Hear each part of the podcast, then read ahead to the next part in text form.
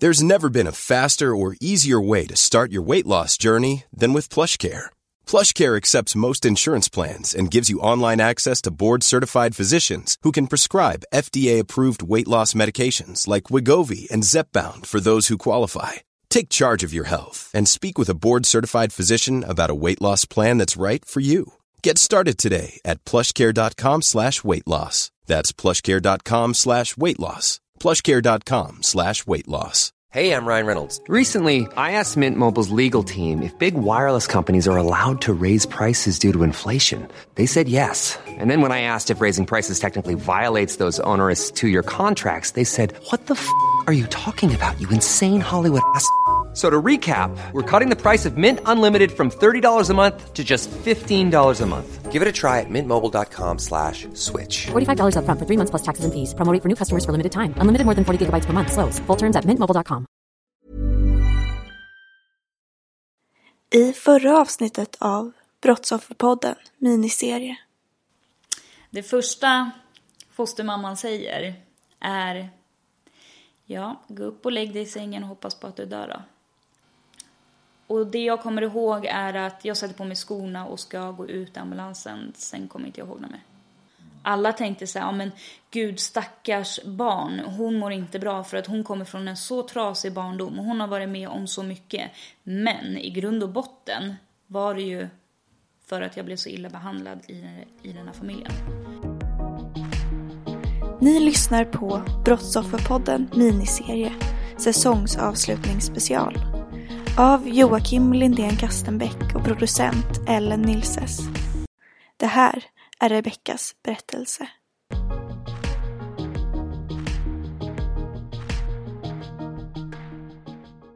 Alltså jag försöker inte ta, ta bort något ansvar från dem för fem år. Det är det sista jag tror. Men tror du bara att de, eller tror att det finns någonting att det är så här de verkligen tror att det ska vara? Att de på något sätt tror att det är det rätta? Eller är man så jävla bränd som person och ondskefull? Så här, för är det, så att de inte, är det så att de inte tycker att, och menar verkligen mm. så här, att det, det, är så här vi ska vara, mm. då är de ju sjukt ondskefulla. Mm. Ja, alltså jag har funderat rätt mycket på det där. Och det här var ju då ett par som var lite äldre, eller är lite äldre.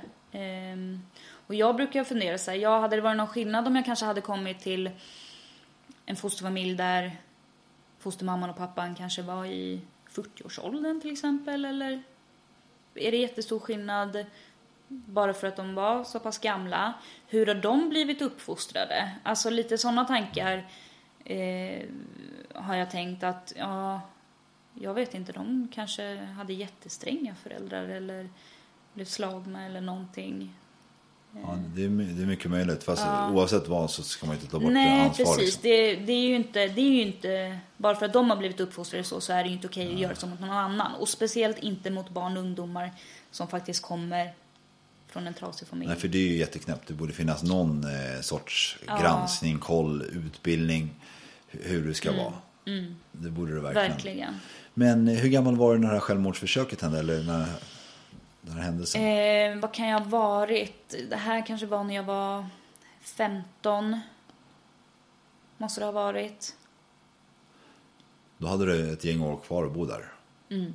Hur var det, för du pratade också om den här killen och den här andra familjen. Kan mm. det varit så också att, typ att på grund av att det var så bra där och mm. så dåligt hos den här fosterfamiljen att det mm. nästan blev värre? Så, att, så fick du lite smak av det här schyssta. Ja, men hela tiden fick komma tillbaka till det dåliga. Ja, alltså det fick väl mig att inse hur det skulle vara. Så att ju mer jag var hos dem, ju mer ville jag ha så själv, såklart. Men jag tror också att det var en väldigt viktig del i att jag faktiskt till slut, eller att jag orkade. Eh, för att ju äldre jag blev också, ju mer var jag där. Eh, men eh, ja, det är nog lite som du säger, att man, man fick lite smak av hur en bra verklighet skulle vara egentligen. Fanns det något fysiskt våld också? Um, nej, alltså det är klart att man kunde få en eh, Alltså att någon tog tag i armen lite hårt eh, när de sa till eller kanske en liten putt in i väggen. Men det var också så här. Eh, jag var inte perfekt, det var jag inte. Ehm, jag var kaxig som fan. alltså, jag, jag rökte, jag hängde med fel människor. Inte alltid, men en del. Eh, jag var uppkäftig, det var jag. Eh, men det är där jag verkligen önskar att det fanns kompetens att ja, men att de fick gå utbildningar eller vad som helst. Det är så här, hur ska vi hantera de här trasiga barnen? Eh, hur gör man? Hur ska man bemöta dem eh, Eh, på bästa möjliga sätt? Sen är det klart att ett barn inte kan bete sig hur som helst. Men jag tänker också att man hela tiden måste förstå var de kommer ifrån. Ehm, och hemma hos mamma kanske inte var så mycket regler till exempel. Bara en sån sak. Eh, och komma till en familj där liksom en hel vardag från att du går upp till att du går och lägger dig är det styrt av regler vad du får göra och inte göra. I princip vad du får säga och inte säga. Eh, bara en sån sak är ju en jättestor omväxling. Ja, verkligen. Eh, du ska ju liksom leva ett helt nytt liv. Eh, men, ja. Så att jag typ accepterade lite att, det, att de sa ifrån på sådana sätt genom att ta tag i armen. Eh, det var ju aldrig så att man fick blåmärken eller någonting utan det var mer kanske lite mer ett hårt tag. Ehm, jag förstår. Eh, alltså jag tycker ju också att Oftast nu har du berättat att du var kärleksfull hemma hos din mamma när, mm. när det var nyktert och drogfritt. Så mm. Men att större delen av tiden så var det inte nyktert och drogfritt. Mm. Och då betyder det att det är alltså motsatsen till kärleksfullt. Mm. Eh, och eh, enligt mig så skulle man ju bemöta ett barn med kärlek. Mm. Så här, kärlek, kärlek, kärlek. Mm. Ett, ett barn behöver bli sedd behöver få lära sig att den är värdefull, den duger som den är. Liksom. För att jag vet ju bara från min egen erfarenhet att jag tog ju på mig jättemycket av det här. Jag blev ju mm. problemet av mig själv. Liksom. Jag måste styra upp, jag måste göra. Mm. Så här, och när jag väl blev utplacerad, nu hade jag tur hos de där eh, där jag var. De var mm. faktiskt väldigt fina. Mm. Men jag ville hela tiden dra hem. Jag hade så starkt medberoende till min mamma så jag ville hela tiden hem. Så här. Eh, och eh, tog lång tid för mig att jobba på det. Men idag har jag förstått att jag hade behövt förstå att jag var inte problemet. För jag mm. trodde jag var problemet. Mm. Och jag skulle också vara den som löste problemet. Mm. Så. Eh, så jag tycker verkligen att kärlek, kärlek, kärlek. Mm. Självklart ska inte en unge få bete sig hur som helst. Det ska mm. finnas gränser. Ja, självklart. Men precis. det måste också finnas massor mm. med kärlek. Så här, för att det måste Mm. Framförallt de här människorna som utbildar socionomer troligtvis. Mm. De har ju lagt hur mycket studiepengar som helst på ja. studieskulder och allting. många år. De måste ändå förstå det. Mm. Tycker jag. Sara. Men, ja, men. Man tycker ju det. Verkligen. Men ja. uppenbarligen är det inte så hos alla. Tyvärr. Ja. Men, ja, men det kan jag verkligen känna igen mig i. Att man eh, eh, känner att det är jag som är problemet. Eh, och det är också lite så här skrattretande för att eh, när jag tänker tillbaka så är det inte att jag kände så jättemycket när jag bodde med mamma egentligen utan jag tänkte nog aldrig att ah, men hon dricker på grund av att jag är jag eller att jag kanske inte är ett bra barn. Men däremot eh, så känner jag att allt det som hände i eh, fosterfamiljen nästan var mitt fel. Och det, det har jag så försökt att arbeta lite med nu i efterhand för att när jag har pratat om det innan så har det varit så här, ja men jag var ju kanske elak där. Så det kanske var därför de gjorde eller sa sådär. Ja, men jag gjorde nog så. Att jag hela tiden har gått tillbaka till att jag började med att inte vara snäll. Men återigen är det fortfarande inte okej att behandla ett barn hur som helst. Nej, verkligen inte. Ja, verkligen inte. Men hur, vad händer här? För att efter de här, du bodde ändå tills du var 18. Det spinner på på samma sätt eller? Så här. Mm, det här är också så kul för att jag tror jag har förträngt det här lite. Jag minns faktiskt inte riktigt om jag var 18 eller om jag var 17 men jag tror jag hade fyllt 18 när jag flyttade därifrån. För det var ju så att min bror flyttade samma dag som han fyllde 18. Och då blev jag kvar där med de här människorna. Ehm, och då var det ju inte vi två längre som var de man kunde hacka på utan nu blev jag ensam.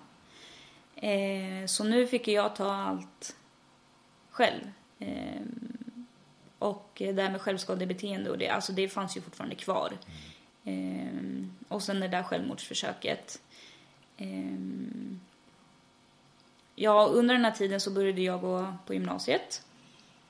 Ehm, har också alltid vetat så här, ah, nej men jag vill, jag vill jobba inom vården. Alla mina kompisar var så här, nej men gud jag vet inte vad jag ska söka för linje. Men jag visste exakt vad jag ville bli. Exakt vad jag ville göra. Ehm, Ja, men jag kände mig ändå väldigt trygg inom det. Ehm, Jag måste bara säga en liten eh, sidogrej. Mm. Du, du vet att det finns statistik på att de flesta människorna, eller väldigt många människor som kommer från eh, trasiga förhållanden Mm. börjar jobba som eh, sjuksköterskor och liknande. är det så? Det finns, en, eh, det finns någon eh, koppling till det. Troligtvis för att man får ett kraftigt medberoende tror jag. Och man vill ta hand om andra. Säkert. Så att, eh, Ja, det är det bästa jag vet. Att få ta hand om andra. Ja, att gud ja. Jag skulle inte kunna... Nej, jag måste jobba med människor. Annars... jag tror att du är helt rätt där. Utsatta människor. Utsatta människor. ja, nej. Nej, men... ehm, som sagt, tiden gick. Eh, allt var väl detsamma. Det var så himla fint utanpå. Men bakom stängda dörrar så fick jag ta enormt mycket skit. Eh, tyvärr. Eh, som sagt, jag började på gymnasiet. Eh, hade kompisar, vi ville festa. Eh, jag rökte och det var absolut inte okej. Även fast jag typ var ja, 16-17 fick jag inte festa. Eh, vilket jag tyckte var helt normalt. Eh, alla mina kompisar gjorde ju det. Eh, varför för dem och inte jag? Eh, och det var aldrig så att man kunde kompromissa på något sätt. Utan det var ett starkt nej. Eh, och när det var ett nej då var det nästan som att man blev inlåst. Nej men alltså, eh, man fick ju ljuga sig till vad man skulle hitta på. Eh, för att man kanske skulle gå på någon fest någonstans. Eh, och en gång blev jag faktiskt påkommen eh, och var tvungen att åka hem. Och, då, och det, det kommer jag också ihåg att jag tyckte jag var så himla snygg den kvällen. Jag hade en sån jättefin klänning på mig och ja, så satte de mig i en taxi i alla fall så åkte jag hem och eh, tänkte att ja, nu, nu händer det. Kom in där och sen det första hon säger, jaha, ja, ser ut som en jävla hora också. Ja. Japp. Mm. Japp. Tack för den. Ja, du vet, och man var så taggad på kvällen, man skulle umgås med sina kompisar och så. Men eh, det eskalerade i alla fall. Eh, jag var på en fest. Eh, drack inte på den festen. Jag eh, kanske drack en cider eller någonting. Och under den här eh, helgen så eh, skulle den här fosterfamiljen åka till eh, en av deras biologiska barn och fira honom. Ehm, och ehm, ja, vi hade inte klickat så bra, jag och den här killen då. Ehm, eh, och valde att gå på den här festen istället. Ehm, och det visste de. Ehm, men då hade vi väl kommit till en punkt där det var så här, ah, okej, men de orkade väl inte bry sig längre. Ehm, så när jag kom hem dagen efter så sitter jag i köket och fostermamman står och torkar av bordet, kommer jag ihåg. Och då frågar jag bara, eh, ja men vad berätt, eller vad sa ni till honom då varför jag inte följde med? För att det var ju så himla stor familj, alla var ju där. Eh, och jag visste ju att hon hade sagt något, så jag ville ju bara veta vad hon hade sagt. Och då, jag kommer inte ihåg exakt vad hon sa, men det var någonting i släng med så här. Ja, nej men jag berättade ju precis som det var. Det var ju att du hellre ville supa dig full än att, än att gå och fira honom såklart. Och då vet jag att jag svarar någonting tillbaka. Ja, säkert inte jätteschysst, men alltså någonting så här. Ja, men eh, vem fan vill fira honom? Eller någonting så här. Eh, ja, otrevligt, uppkäftigt. Och då bara ser jag hur hon tittar på mig. Och då ser jag så här, nu är det kört. Och det, det var ju verkligen så här, jag såg, det blev svart i hennes ögon. Det var som att, ja, nu, nu är hon förbannad. Så jag bara kände så här, okej, nu är det dags att sticka. Så att eh, jag springer upp för trappan, springer upp till mitt rum. Eh, och när jag är på väg upp för trappan så hör jag henne komma efter mig. Eh, och jag springer in på mitt rum eh, och hon efter. Och jag bara känner hon sliter tag i mitt hår. Eh, så hon ja, sliter tag i mitt hår, dunkar mig mot sängen. Ja, men hon, hon hoppar på mig helt enkelt. Jag vill faktiskt påstå att det är fysiskt våld. Ja, eh, ja, jo men det är det. ja. Eh, ja, och det som händer är ju att fosterpappan kommer efter. Försöker få bort henne ifrån mig. Eh, men det går inte. För hon är så jäkla stark. Alltså, om det vet man ju själv när man blir sjukt förbannad. Då blir man ju, alltså man får ju så mycket adrenalin att man, man blir ju Hulken liksom. Och det var hon verkligen. Eh, han fick inte bort henne. Du vet, alltså hon hade, hon hade ett sånt grepp om mig och i mitt hår bara slet.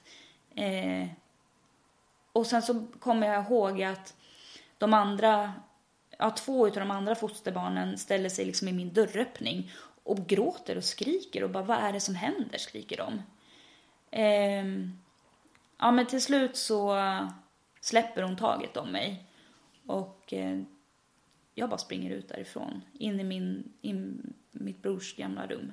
Ehm, bara sätter mig på golvet och bara bryter ihop. Ja, såklart. Eh, ja, och det, allt det här gick ju så himla fort. Jag fattade ju liksom inte vad som hade hänt. Eh, och helt plötsligt bara hade hon hoppat på mig. Eh, och tusen tankar kom ju så här. Okej, vad var det här? Var det här en misshandel? Vad händer nu? Gud, ska jag våga sova här? Ska jag bo här? Alltså det var ju allt. Allt tänkte jag. Eh, det slutar med att eh, fosterpappan kommer in. Eh, vi sitter där tillsammans på golvet och han försöker trösta mig. Eh, och säger någonting liknande med så här, ja det här är ju inte okej, absolut inte. Eh, och så tittar jag på honom och så säger jag så här, men varför stannar du då? Och då svarar han så här, nej men jag älskar henne. Och det är det enda han svarar. Eh, ja.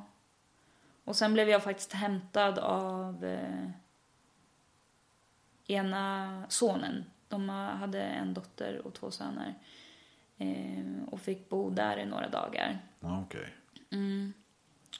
Och eh, då bestämde vi att jag kommer inte flytta tillbaka dit. Eh, Och det, här, det var ju när du var 17-18 då eller? ja, precis. Ja, okej. Så jag kommer inte flytta tillbaka dit. Eh, så jag bodde där i några dagar. Efter det så mellanlandade jag då hos den här fostermammans syster. Eh, som är motsatsen till henne. Eh, otroligt tacksam för att jag fick bo där i några månader. Eh, där kunde jag andas ut och liksom återhämta mig lite. Eh, och fokusera på skolan. Eh, och eh, så efter det så började de... Nu tänker jag, jag måste ha varit 17 för att det var fortfarande så att de skulle leta en ny fosterfamilj till mig. Så var det. Och då var det, hade det kommit in ett förslag att eh, den här ena sonen vill eh, bli min nya fosterfamilj. Och det är ju den här sonen som jag inte hade klickat så bra med. Ehm, och det kan jag idag tänka varför. Ville han det? Ja, det är en bra fråga. Jag vet inte. Det enda jag där och då kände var att jag orkar inte börja om på ruta ett. Jag är snart fri från SOS. Eh, men jag orkar inte flytta till en annan stad. Jag orkar inte börja på något, någon ny familj. Så jag sa ja till det här eh, och flyttade dit. Till han? Ja. Vilket inte blev så bra heller. Ja, du ser. Ja. Ehm, ja. Då börjades det ju igen. Samma regler och... Ja. Samma regler. Hur gammal var han? Då har man ändå deras Alltså vad kan han vara då? Alltså då var han... Måste ha varit 30 någonting, 35 kanske. Mest det, ja. Ja, men jag flyttade dit och det är samma regler. Ja, blev också fortfarande jätteutsatt i ord. Kränkande, alltså tryckt ner mig otroligt mycket. Eh, hela tiden den här känslan av att jag duger inte, jag är inte värdefull. Ja, allt bara fortsatte. Men vid sidan av det här var jag fortfarande tillsammans med den här killen eh, som var räddningen på det hela. Eh, för att hans mamma sa det att nu räcker det. Alltså du kan inte ha det så här längre. Eh, och då hade ju hon varit med under hela den här perioden eh, och sa det att nu, det, alltså det funkar inte längre. Eh, och jag visste ju varken ut eller in. Jag hade, det var, hade ju aldrig varit någon som hade lyssnat på mig ända sedan jag hade flyttat. Det var ju aldrig någon som lyssnade på mig. Jag hade liksom skurit mig i armen. Det var ändå ingen som hjälpte mig. Jag hade försökt ta livet av mig. Det var ingen som hjälpte mig. Ehm, så vi satte oss i bilen och åkte upp till eh, SOS. Stamplade vi in där och sa att nej, nu räcker det. Nu räcker det. Ja, nu ska inte hon bo kvar här. Och eh, vi skiter i vad ni säger i princip. Eh, så vi fick ett möte med SOS och eh, de bara, aha, oj, är det så här det är? Oj, det var ju inte bra. Nej, det var inte bra. If you thought the only way to get a more defined jawline with natural looking results was through surgery, think again. Juvederm Volux XC is a non surgical injectable gel filler that improves moderate to severe loss of jawline definition and can help you achieve natural looking results with little downtime. Even better, this improved definition lasts up to one year with optimal treatment. No maintenance required. Improve jawline definition for a smooth, sculpted look with Juvederm Volux XC. For important safety information and to find a licensed specialist, visit juvederm.com. That's J U V E D E R M.com. Not for people with severe allergic reactions, allergies to lidocaine, or the proteins used in Juvederm. Common side effects include injection site redness, swelling, pain, tenderness, firmness, lumps, bumps, bruising, discoloration, or itching. There's a risk of unintentional injection into a blood vessel, which can cause vision abnormalities, blindness, stroke, temporary scabs, or scarring. Talk to a licensed specialist to find out if it's right for you. Millions of people have lost weight with personalized plans from Noom, like Evan, who can't stand salads and still lost 50 pounds. Salads, generally, for most people, are the easy button, right? For me, that wasn't an option. I never really was a salad guy. That's just not who I am. But Noom worked for me. Get your personalized plan today at Noom.com. Real Noom user compensated to provide their story. In four weeks, the typical Noom user can expect to lose one to two pounds per week. Individual results may vary. Nu lyssnade de till slut. Ja. Så jag flyttade hem till dem. Ehm, fram tills jag var 18. Ehm, så flyttade jag då, eh, mitt dåvarande ex, till en egen lägenhet. Men eh, det var liksom min räddning på det hela. Ehm, ja. Så det blev ett litet så här skönt avslut Ja. på hela, alltså vad säger man, omyndighetsperioden i ditt liv. Ja, precis. Ja, men det var verkligen min räddning. För jag kände så här, oj, vad hade hänt om jag bodde kvar där? Ehm, faktiskt. Ehm, hade jag suttit här idag? Det vet jag inte. Jag mådde jättedåligt där också. Ehm, och då var han faktiskt tillsammans med en tjej och de är inte tillsammans idag då. Men hon har faktiskt hört av sig till mig nu efterhand och frågat så här. Hur betedde jag mig mot dig när du bodde där? För jag har förstått att du inte mådde bra liksom. Eh, Intressant. ja, och bett om ursäkt. Eh, Hur kändes det det? Det måste ändå känns... Du får svara, jag ska inte svara åt dig. nej men alltså det är ju klart att eh, någonstans måste ju hon ha förstått att beteendet inte var okej. Men då är också så här, stackars henne var hon så hjärntvättad av den här familjen. Eh, av deras beteende, hur de var. Att hon också blev så. Jag vet inte. Ehm, men eh, ja, det är ändå skönt att hon, hon i alla fall fick upp ögonen. För jag, jag har ju aldrig fått en ursäkt av någon av de inblandade någonsin. Eh, SOS var faktiskt på mig väldigt mycket om att jag skulle göra en anmälan om den här misshandeln. Ja, det var det. Ja, det var de. Eh, men då frågade jag sen vad innebär det? Då sa han nej men då kommer de ju ta upp det här och det kan ju vara så att eh, du kommer få vittna om händelsen och möta henne och sådär. Och då sa jag det att nej, jag orkar inte. Alltså jag var ju så slut.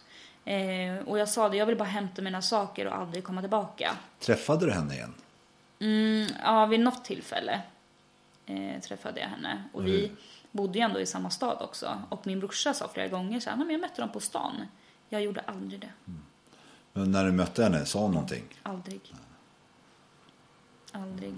Men sen så då när hon träffade mitt ex på stan så var de ju så himla gulliga. Då sa hon så här, nej men gud vi tänker så mycket på Rebecka. Hur, hur mår hon idag?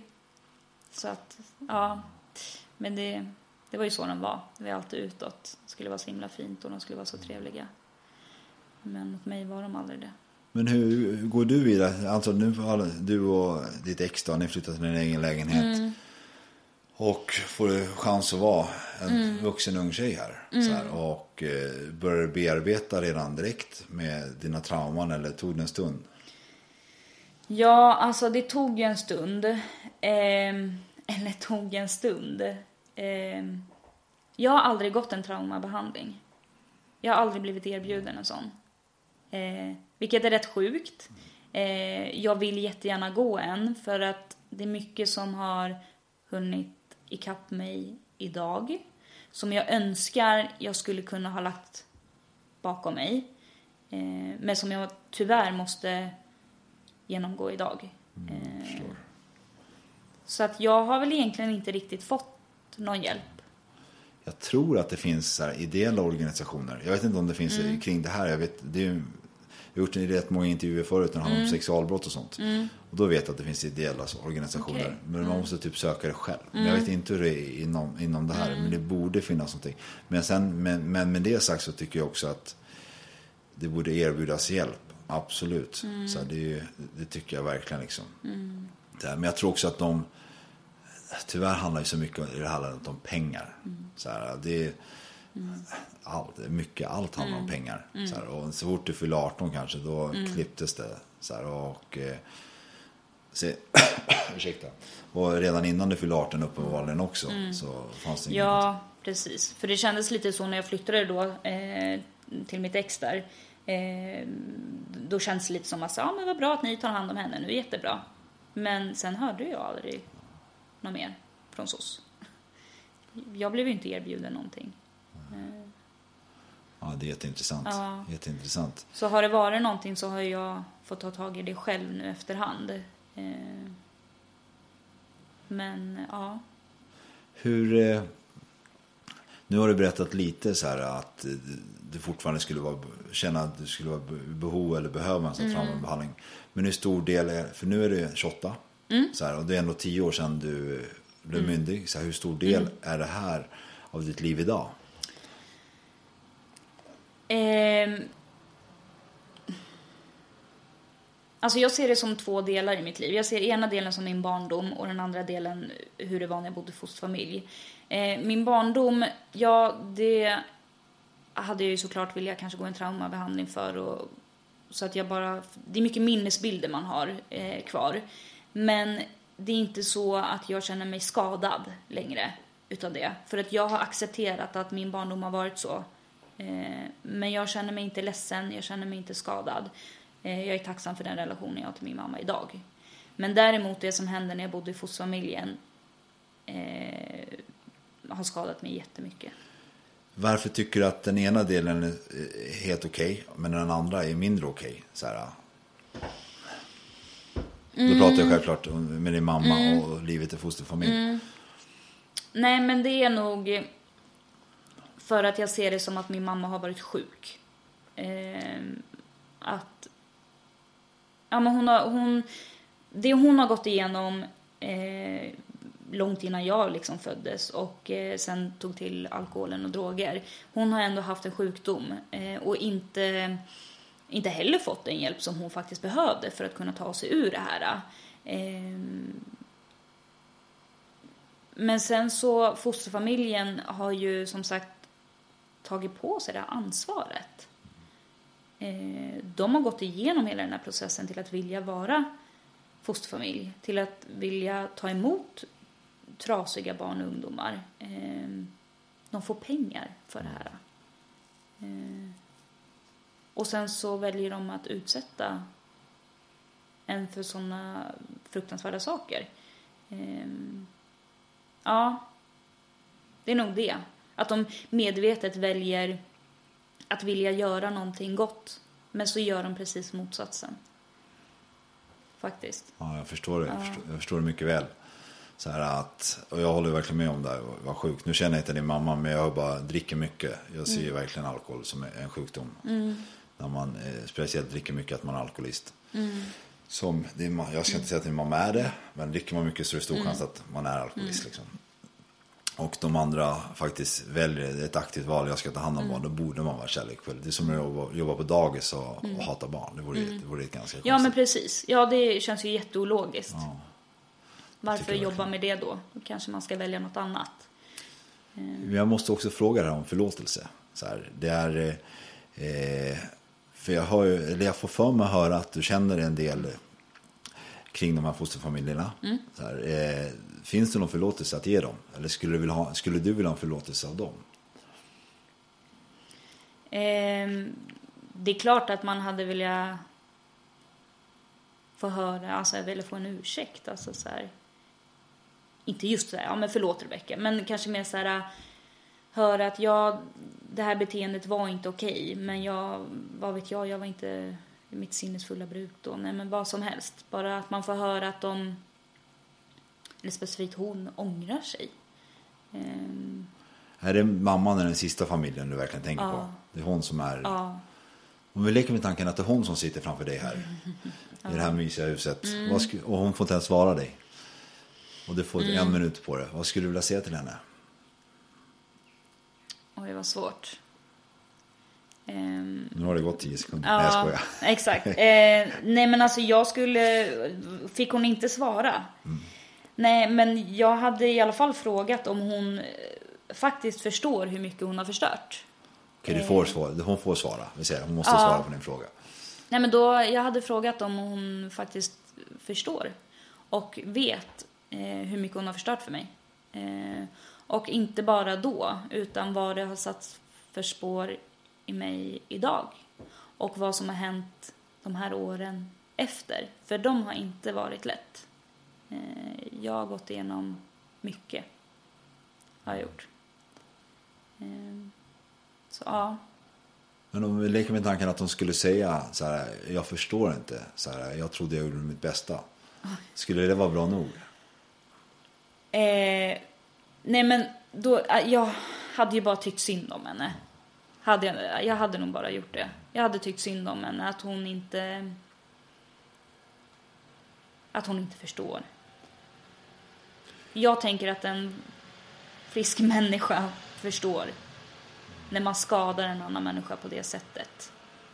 Eh, och det som jag mest får ont i hjärtat över är egentligen inte vad jag blivit utsatt för. Det är vad de utsatte också min bror för. För att han står så nära mig.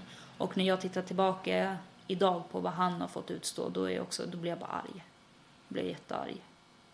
Eh, Så egentligen så har jag varit lite så här, jag skiter i mig, men alltså... Ja.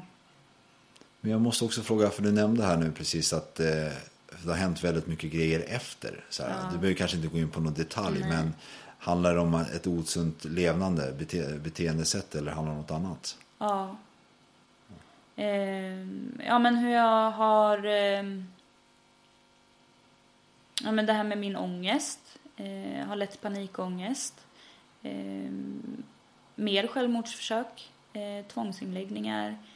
Eh, hur jag har valt att leva mitt liv. Ehm, festade mycket. Eh, hade kvar självskadebeteendet. Eller det kom, kom tillbaka rättare sagt. Ehm, och det är på grund, också mycket på grund av tankar av vad som hände mig i den här familjen. Eh, vad de gjorde och vad de sa. Och hur de behandlade mig. Det är klart det sätter sina spår. Alltså jag är absolut ingen psykolog, men jag är faktiskt utbildad terapeut nu. Och jag kan tydligen se, se mönstret. Så här. Att, men återigen hur viktigt det är att få, få kärlek. Liksom. För oftast blir det att man får ett osunt beteende och sen tar man kontroll med killar, festande, knark, bla bla bla. På, på olika sätt, liksom, självskadebeteende. Så, men har du kommit ur det nu eller är det fortfarande en läkningsprocess? På något sätt så tror jag alltid att jag kommer vara en läkningsprocess. Ehm, men eh, jag har ingen självskadebeteende och, och så kvar längre. Ehm, kan ha mycket bekräftelsebehov. Ehm, det har jag nog mycket kvar utav. Att bli sedd? Ja, precis. Bli sedd. Ehm, ja, liksom duger jag? Är, duger jag som jag är? För det har jag alltid fått höra att jag inte gör. Ehm, ja, men liksom vilken liten skit jag är. Vem är jag att säga någonting? Ehm, ja. ja, det är väl det. Eh, men jag har inga självmordstankar och, och sånt. Utan jag sökte hjälp och fick jättebra eh, hjälp. Hittade en jätte, jättebra psykolog. Ja. Eh, som verkligen räddade mig. Eh, och då min extra mamma. Ja. Mitt ex-mamma som ja, har ställt upp jätte, jättemycket för mig. Så att det har verkligen varit min räddning. Så att jag mår bra idag. Men eh, jag känner ju att, som nu när jag studerar och får mycket stress, mycket press, det är många bollar i luften, då känner jag att de här känslorna kommer tillbaka. Eh, och den här ångesten som jag kände förut. Hur, hur det är så likt med ångesten jag kände då. Ehm, ja, men jag kan hantera det på ett helt annat sätt idag. Eh, Ja, än vad jag kunde göra då. Så att, eh, ja, jag har fått verktyg. Om vi pratar skam och skuld. Mm. Har du känt mycket sånt? Det är klart att det- mycket av det handlar ju just om skam och skuld. Liksom. Mm. Så här, och, fast skulden ska ju inte ligga hos dig. Nej. Inte skammen heller egentligen. Fast man tar på Nej. sig. Återigen så känner jag inte så mycket skam gentemot mig själv. Utan jag tänker till exempel... Hade jag kunnat säga ifrån så att min bror inte hade kunnat blivit utsatt? Mm. Typ sådana tankar. Ehm, ja. Ja, det är väl i så fall så. Hur ser du på framtiden då? Nu ska du bli sjuksköterska. Mm. Kanske på akuten. Kör Mm. ambulans. Ja. Är du en bra förare? Hoppas det. Absolut. ja, bra. ja, det är bra, bra. Ja. Men eh, nu har inte jag känt dig så länge. Så här. Mm. Men du ser i alla fall ut att vara en människa som ja, kommer att göra nytta. Mm. Som är på rätt plats vid rätt tid just nu. Mm. Här, och eh, jag tror du kommer bli en grym- sjuksköterska. Tack. Det Ja, jag verkligen. hoppas det. Ja. Ja, men en sista grej måste jag ändå fråga. Så här, Mm. det, för nu har du berättat om, om ditt ex. Men Mm. eftersom jag är väldigt intresserad av sådana här äh, trauman i barndomen och relationer. Så här, hur Mm. har det varit kring relationer utan att behöva gå in på några detaljer alls? Så. Mm. Ehm, jag har några få nära eh, relationer. Har jag. Ehm, jag litar inte på vem som helst. Gör jag inte. Ehm, jag är väldigt så här, jag kan ta till mig nya människor hur lätt som helst och så. Eh, men det är ingenting som varar. Utan jag har mina fasta relationer eh, i livet. Många bekanta med få vänner. Ja, precis. Så är det verkligen. Verkligen. Här, och att intervjua är inte alltid så lätt. Ska jag, Nej. säga. jag sitter här och Ja. vill, vill vara så duktig. Men jag har faktiskt lärt mig att jag duger som jag är idag. Här, jag har det. Precis, det har vi lärt oss. Och du, Rebecka, du är värdefull. Du duger som där också. Tack. Med handen på hjärtat. Så får jag tacka dig för att du tog dig tid. Ja, så så själv. hoppas jag att ditt liv blir exakt som du vill att det ska bli.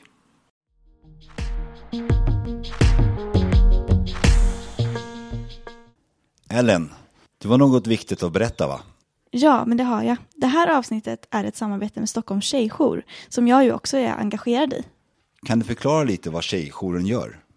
Föreningens syfte är att stötta och stärka tjejer och unga kvinnor. Till oss kan alla som definierar sig som tjejer och unga kvinnor mellan 10 till 30 år från hela landet vända sig för att få stöd och hjälp. Och vi finns tillgängliga via mail, chatt eller telefon. Stockholms tjejjours chatt och telefon är öppen måndagar och onsdagar klockan 5 till 7 och halv 8 till halv 10 på kvällen. Också torsdagar klockan 6 till 8 och då särskilt för tjejer med autism, ADHD, Tourettes syndrom eller språkstörning.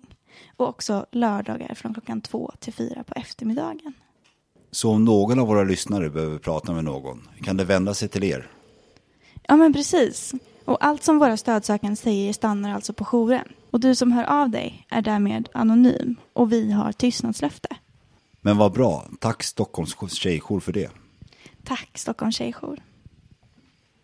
Historia som berättas har satt sina spår Finns ingen skam att känna Men den känns ändå Känn dig aldrig ensam med minnen du bär på. Det är inte din skuld att bära. Jag hoppas du förstår.